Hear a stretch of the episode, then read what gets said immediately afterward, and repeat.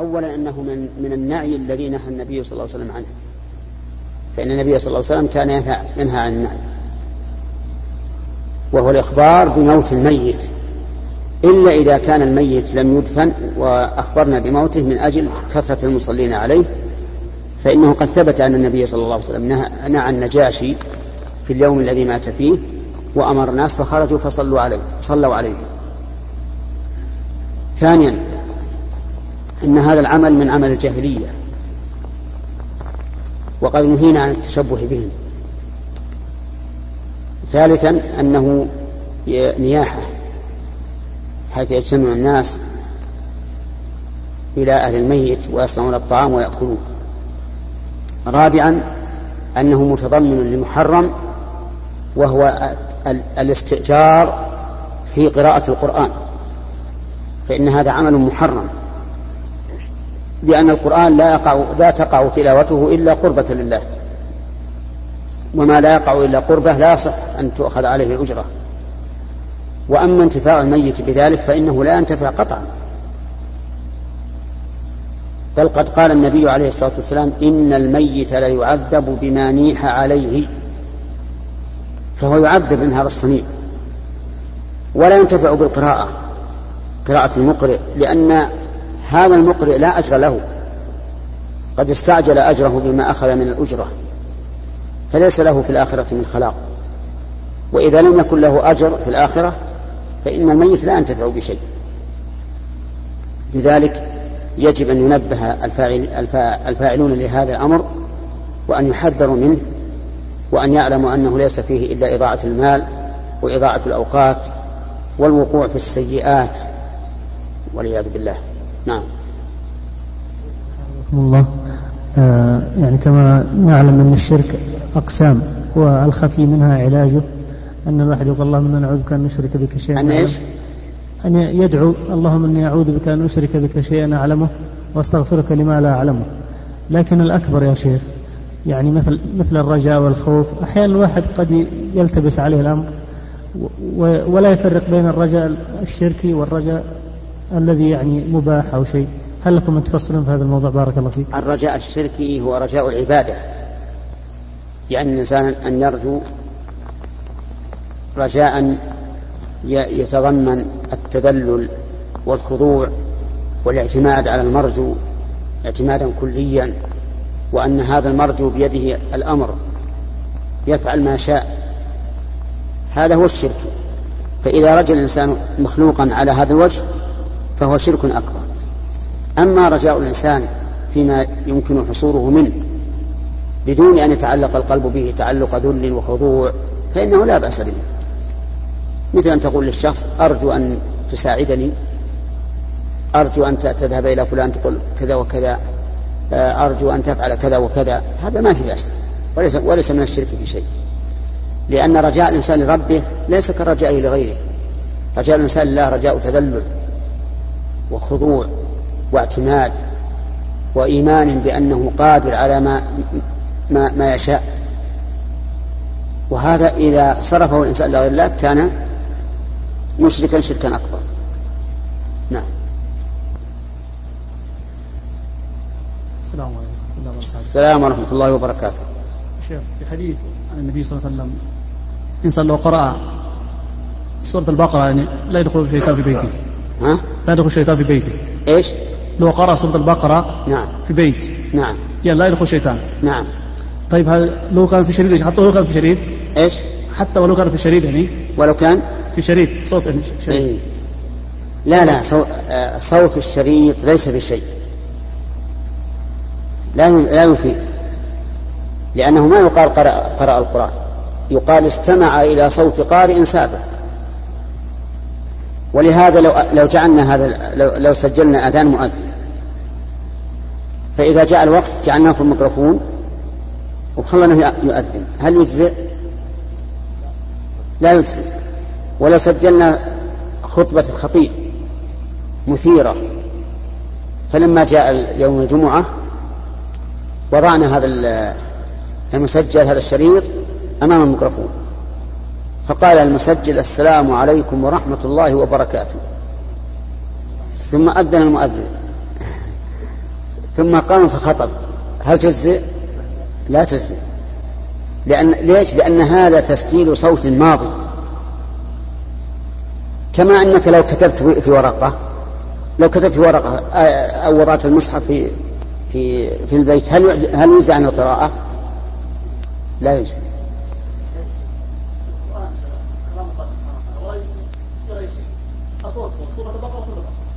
لا لا ما هو صحيح. ما ما يغطى قرئ سورة البقرة. يقال سمع صوت قارئ في هذا البيت. ها؟ إيه. لكن ما يهمه الشريط هذا. ليس يجري من من من, الشريط مجرى الدم. خلاص خلاص اعطي اللي بعده ما في سؤال يمشي. عطل اللي عطل اللي جنبك يا شيخ سلام عليك أنا عندي سبيل من يجدد وهو قليل وفي نص كفية هل يجوز لي أحطه في مسجد ورقة؟ سم؟ ورقة الوقفية معك؟ لا نحن بدون صار ظاهر من البيت ولا ولا وجدته إن شاء الله تجيبه أشوفه إن شاء الله نعم بعده خلنا نمشي نعم. يا شيخ. نعم. اللي بعد يا جماعة آه أمي بها مرض آه، له أربع سنوات الحين وتوفيت. الله يعافينا وإياه وتوفيت و... ولا صامت شهر رمضان. شر... الأخير هذا. إيه. أطعم عن كل يوم مسكين.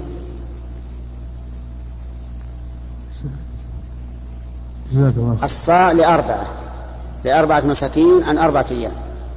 صاع الرزق نعم.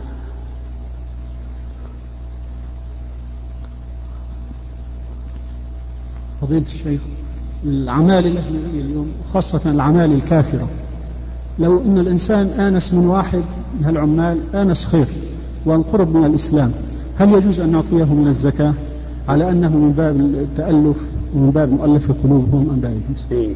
وما هي أفضل سبيل لدعوة هؤلاء الكفرة في نظركم؟ أفضل سبيل هؤلاء الكفرة الذين ساقهم الله إلى هذه البلاد فيعتبر غنيمة فيما لو دعوناهم إلى الله عز وجل. ما هي أنسب وأعظم سبيل للدعوة إلى الله؟ نعم. أما الرجل المقبل على الإسلام والذي تعرف منه الرغبة في الإسلام. إذا رأيت أنك إذا أعطيته مالا ازدادت رغبته فأعطه لأن النبي صلى الله عليه وآله وسلم كان يعطي المؤلفة قلوبهم يتألفهم على الإسلام. لكن بعض العلماء رحمهم الله قال إنه لا يعطى إلا السيد المطاع في عشيرته لأن إسلامه ينفع من وراءه وأما الفرد فلا يعطى من التأليف ولكن الصحيح أن الفرد يعطى لعموم الآية المؤلفة قلوبهم ولأنه إذا كان يجوز أن نعطيه لسد حاجة جسمه فإعطاؤه لسد حاجة روحه من باب أولى. فالصحيح أنه يعطى. ولكن ينبغي للإنسان أن يبين له أولا ما يجب عليهم في الإسلام. كما قال النبي عليه الصلاة والسلام أخبرهم بما يجب عليهم من حق الله في الإسلام من أجل أن يدخل على بصيرة. لأن بعضهم لا يظن أن الإسلام فيه هذه العبادات. فيدخل في الإسلام كأنه اسم من الأسماء ثم إذا قيل له إن فيه كذا وفيه كذا وفيه كذا يرتد والعياذ بالله. فيكون كفره الثاني أعظم من كفره الأول. أما كيف نعامل هؤلاء؟ فإن لكل حال مقالا. منهم من نرى أن فيه إقبالا وليونة فهذا نعامله بكل ما يقتضيه تأليف القلب. بالدعوة ندعوه مثل البيت نهدي عليه هدايا نعطيه أشرطة نعطيه كتيبات ينتفع بها نثني عليه أمام الناس. نفعل كل شيء يرغب في الإسلام. نعم.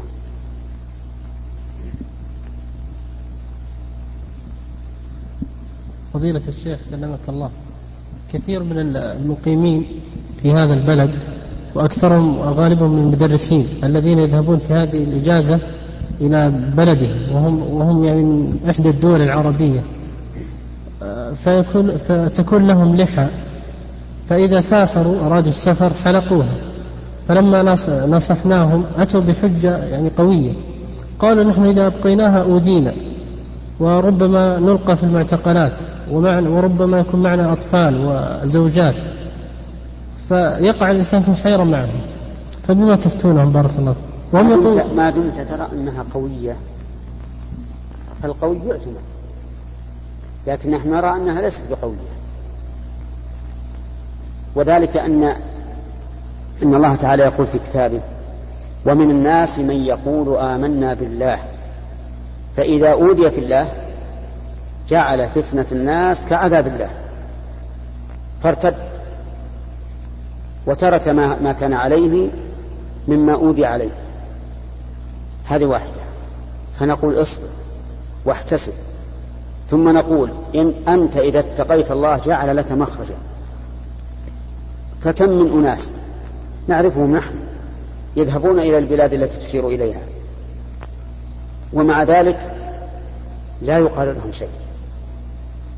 يذهبون وهم متحون ويرجعون وهم على ما هم عليه ولا يقال لهم شيء.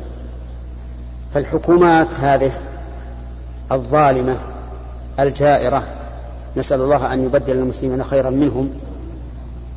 هذه إذا إذا لم ترى الإنسان يتكلم فيهم أو له حركة ما يهمه يكون متدين أو غير متدين. يهمها أن أحدا يخشى أن يكون له حركة. فلذلك ربما يقبضون على شخص ليس له لحية. على على شخص يحلق لحيته صباحا ومساء.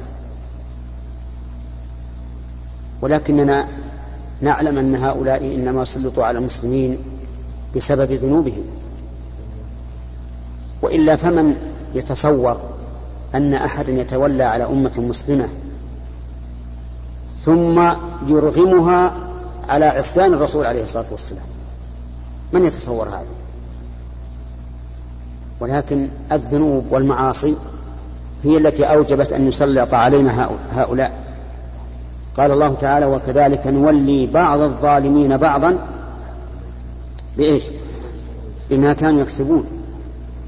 فهؤلاء ما سلطوا على الأمة الإسلامية إلا بسبب أن الأمة الإسلامية انحرفت. عن مسارها الصحيح. وإلا لكان حكامها مثلها. ويذكر عن علي بن أبي طالب رضي الله عنه أن رجلا من الخوارج أتى إليه. قال يا علي ما بال الناس معك يفعلون ويفعلون؟ وهم مع أبي بكر وعمر سامعون مطيعون. قال له لأن رجال أبي بكر وعمر أنا وأمثالي ورجالي أنت وأمثالك. فبها الرجل. هذا صحيح. وقال أظن عبد الملك بن مروان سمع أن الناس يتكلمون فيه ويتكلمون في, في, في ولايته فجمع أشراف القوم وأعيان البلد وتكلم معهم بكلام فصيح. وقال لهم أنتم تريدون أن نكون لكم مثل أبي بكر وعمر. فكونوا أنتم مثل رجال أبي بكر وعمر حتى نكون نحن مثل أبي بكر وعمر. لو فكرت في هؤلاء القوم الذين سلط عليهم الولاة لوجدت عندهم من البلاء والشر. ما لا يعلمه إلا رب العباد. حتى إن بعض الثقات قدم أخيرا من بعض البلاد العربية وقال إني والله العام الماضي في وسط لندن ولم أرى تبرج النساء في لندن كتبرجهن في هذه البلاد التي أتيت منها وهي بلاد عربية. طيب أين أحق بالستر والحجاب؟ نحن أم, أم, أم النصارى؟ نعم نحن أحق. ومع ذلك هذه هذه البلاد. فإذا كان الشعب مثل هذا كيف لا يسلط عليهم الولاة فنسأل الله تعالى أن يصلح رعيتنا ورعاتنا ويقينا وإياكم شر الفتن. نعم. السلام عليكم ورحمة الله وبركاته. السلام ورحمة الله وبركاته. أحد الأخوان يريد الجهاد في البوسنة. هل أنصحه بالجهاد هناك مرة؟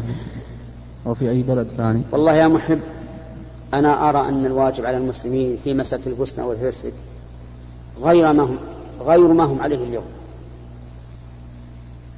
الحقيقة أن المسلمين لم يؤدوا الواجب بالنسبة للبسنة والهرس وليس الم... وليس يهمني أنا أن يقتل شخص أو يؤسر شخص أو يقطع شخص شخص أوصالا لأن هذه من المصائب التي يكفر الله بها السيئات. ومع الاحتساب يرفع الله بها الدرجات. وكل سيموت. ومن لم ومن لم يمت بمثل هذه الميتة مات بغيرها. لكن يهمني أن يقال جمهورية إسلامية قائمة معترف بها تسقط في أيدي النصارى. هذا هو الذي يجرح القلب ويدمي الكبد أين المسلمون؟ كم من مليون المسلمين؟ كم؟ يعني عدد هائل كبير. والله لو كانوا جرادا أرسلوا على على على الصرب والكروات لأكلوهم أكلا. ولكن أنا لا أدري هل إن الحكومات الإسلامية عاجزة أم ماذا؟ إن كانت عاجزة فالله يعذرها. ولا ليس على الضعفاء ولا على المرضى ولا على الذين لا يجدون ما ينفقون حرج إذا نصحوا لله ورسوله. فإذا كان أولاة الأمور في الدول الإسلامية قد نصحوا لله ورسوله لكنهم عاجزون فالله قد عذرهم. لكن لا ندري هل, هل تحقق فيهم الشرطان هل تحقق فيهم أنهم ناصحون لله ورسوله؟ هل تحقق فيهم أنهم عاجزون؟ ما ندري الله أعلم. أيها الإخوة بقي في الشريط متسع يسرنا أن نكمله بهذه المادة. قال المؤلف الحافظ النووي رحمه الله في كتابه رياض الصالحين في باب حسن الخلق ما نقله عن أنس بن مالك رضي الله عنه. أن النبي صلى الله قال ما مس ما مسست حريرا ولا ديباجا الين من, من يد رسول الله صلى الله عليه وآله وسلم. وكان قد خدم النبي صلى الله عليه وسلم عشر سنين. جاءت به أمه حين قدم النبي صلى الله عليه وسلم المدينة. فقالت يا رسول الله هذا أنس بن مالك يخدمك. فقبل عليه الصلاة والسلام أن يخدمه ودعا له أن يبارك الله له في ماله وولده. فبارك الله له في ماله وولده حتى قيل إنه كان له بستان يثمر في السنة مرتين من بركة الماء الذي دعا به الذي دعا به الذي دعا له رسول الله صلى الله عليه وسلم به. أما أولاده فبلغوا مئة وعشرين ولدا أولاده لصلبه كل هذا ببركة دعوة النبي صلى الله عليه وسلم. يقول إنه ما مس ديباجا ولا حريرا ألين من يد رسول الله صلى الله عليه وسلم. فكانت يده صلى الله عليه وسلم لينة. إذا مسها الإنسان فإذا هي لينة. وكما ألان الله يده فقد ألان الله سبحانه وتعالى قلبه. قال الله تعالى فبما رحمة من الله لنت لهم. يعني صرت لينا لهم. ولو كنت فظا غليظ القلب لانفضوا من حولك. فاعف عنهم واستغفر لهم وشاورهم في الأمر. فإذا عزمت فتوكل على الله. يقول خدم النبي صلى الله عليه وسلم نعم. وكذلك أيضا رائحته. ما شم طيبا قط أحسن من رائحة النبي صلى الله عليه وسلم. وكان عليه الصلاة والسلام طيب الريح كثير استعمال الطيب. قال حبب إلي من دنياكم النساء والطيب وجعلت قرة عيني في الصلاة. وهو نفسه طيب عليه الصلاة والسلام. حتى كان الناس يتبادرون إلى أخذ عرقه عليه الصلاة والسلام من من حسنه وطيبه ويتبركون بعرقه لأن من خصائص الرسول عليه الصلاة والسلام أن أننا نتبرك بعرقه وبريقه وبثيابه أما غير الرسول فلا. غير الرسول ما تتبرك لا بعرقه ولا بثيابه ولا بريقه. يقول ولقد خدمت النبي صلى الله عليه وسلم عشر سنين فما قال لي أف قط يعني ما تضجر منه ابدا. عشر سنوات يخدمه ما تضجر منه. الواحد منا إذا خدمه أحد أو صاحبه أحد لمدة أسبوع أو نحوها لا بد أن يجد منه تضجرا. لكن الرسول عليه الصلاة والسلام عشر سنوات وهذا الرجل يخدمه ومع ذلك ما قال له أف قط ولا قال لشيء فعلت لما فعلت كذا. حتى الأشياء التي يفعلها أنس اجتهادا منه ما كان الرسول عليه الصلاة والسلام يؤنبه أو يوبخه أو يقول لما فعلت كذا مع أنه خادم. وكذلك ما قال لشيء لم افعله لم لم تفعل كذا وكذا. فكان عليه الصلاة والسلام يعامله بما أرشده الله سبحانه وتعالى إليه في قوله خذ العفو وأمر بالعرف وأعرض عن الجاهلين. أتدرون ما العفو؟ العفو ما عفى من أخلاق الناس وما تيسر. يعني خذ من الناس ما تيسر. لا تريد أن يكون الناس لك على ما تريد في كل شيء. من أراد أن يكون الناس له في على ما يريد في كل شيء فاته كل شيء. ولكن خذ ما تيسر. عامل الناس بما إن جاءك قبلت وإن فاتك لم تغضب ولهذا قال ما قال لشيء لم افعله لما لم تفعل كذا وكذا. وهذا من حسن خلقه عليه الصلاة والسلام. ومن حسن خلقه صلى الله عليه وسلم أنه كان لا يداهم الناس في دين الله ولا يفوته أن يطيب قلوبهم. فالصعب بن جثام رضي الله عنه مر به النبي صلى الله عليه وسلم والنبي صلى الله عليه وسلم محرم. وكان الصعب بن جثامة عداء راميا. عداء يعني سبوقا. راميا يعني يجيد الرمي. فلما نزل به النبي صلى الله عليه وسلم ضيفا رأى أنه لا أحد أكرم ضيفا منه.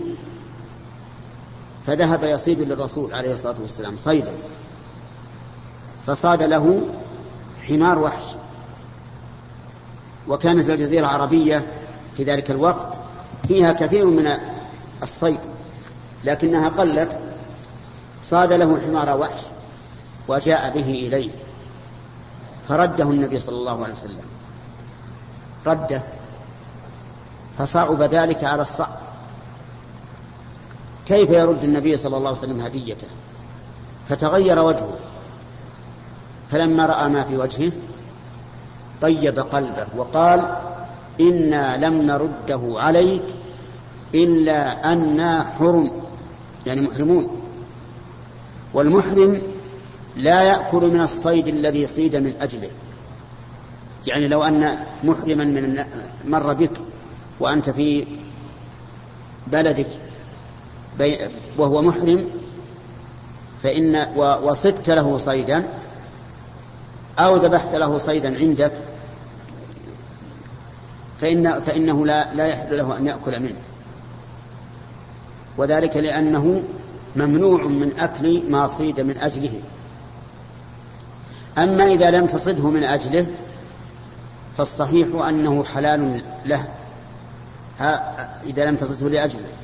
ولهذا أكل النبي صلى الله عليه وسلم من الصيد الذي صاده أبو قتادة رضي الله عنه. لأنه أي أبا قتادة لم يصده من أجل الرسول عليه الصلاة والسلام. وهذا أحسن ما قيل في هذه المسألة أنه إذا إذا صيد الصيد من أجل المحرم كان حراما عليه. وإن, وإن صاده الإنسان لنفسه وأطعم منه المحرم فلا بأس. وقال بعض العلماء إن المحرم لا يأكل من الصيد مطلقا. صيد من أجله أم لم يصد؟ قالوا لأن حديث الصاب بن جثامة متأخر عن حديث أبي قتادة فإن حديث أبي قتادة كان في غزوة الحديبية في السنة السادسة وحديث الصاب بن جثامة في حجة الوداع في السنة العاشرة ويؤخذ بالآخر في الآخر. ولكن القاعدة الأصولية الحديثية تابع هذا القول لأنه لا يصار إلى النسخ إلا إذا تعذر الجمع. فإذا أمكن الجمع فلا نسخ والجمع هنا ممكن. وهو أن يقال إن صيد لأجل المحرم فحرام. وإن صيد وإن صاده الإنسان لنفسه وأطعم منه المحرم فلا بأس. ويؤيد هذا حديث حديث جابر رضي الله عنه جابر بن عبد الله أن النبي صلى الله عليه وسلم قال صيد البر حلال لكم ما لم تصيدوه أو يصد لكم. وهذا تفصيل واضح. ما لم تصيدوه أو يصد لكم. الحاصل أن هذا حديث حديث صعب بن جثامة رضي الله عنه فيه فائدتان عظيمتان. الأولى أن النبي صلى الله عليه وسلم لا يداهن أحدا في دين الله وإلا لكان قبل الهدية من الصعب. وسكت إرضاء له ومداهنة له لكنه عليه الصلاة والسلام لا يمكن أن يفعل هذا. الثاني أنه ينبغي للإنسان أن يجبر خاطر, خاطر أخيه إذا فعل معه ما لا, ما لا يحب ويبين له السبب لأجل أن تطيب نفسه ويطمئن قلبه فإن هذا من هدي نبيك صلى الله عليه وسلم. والله موفق.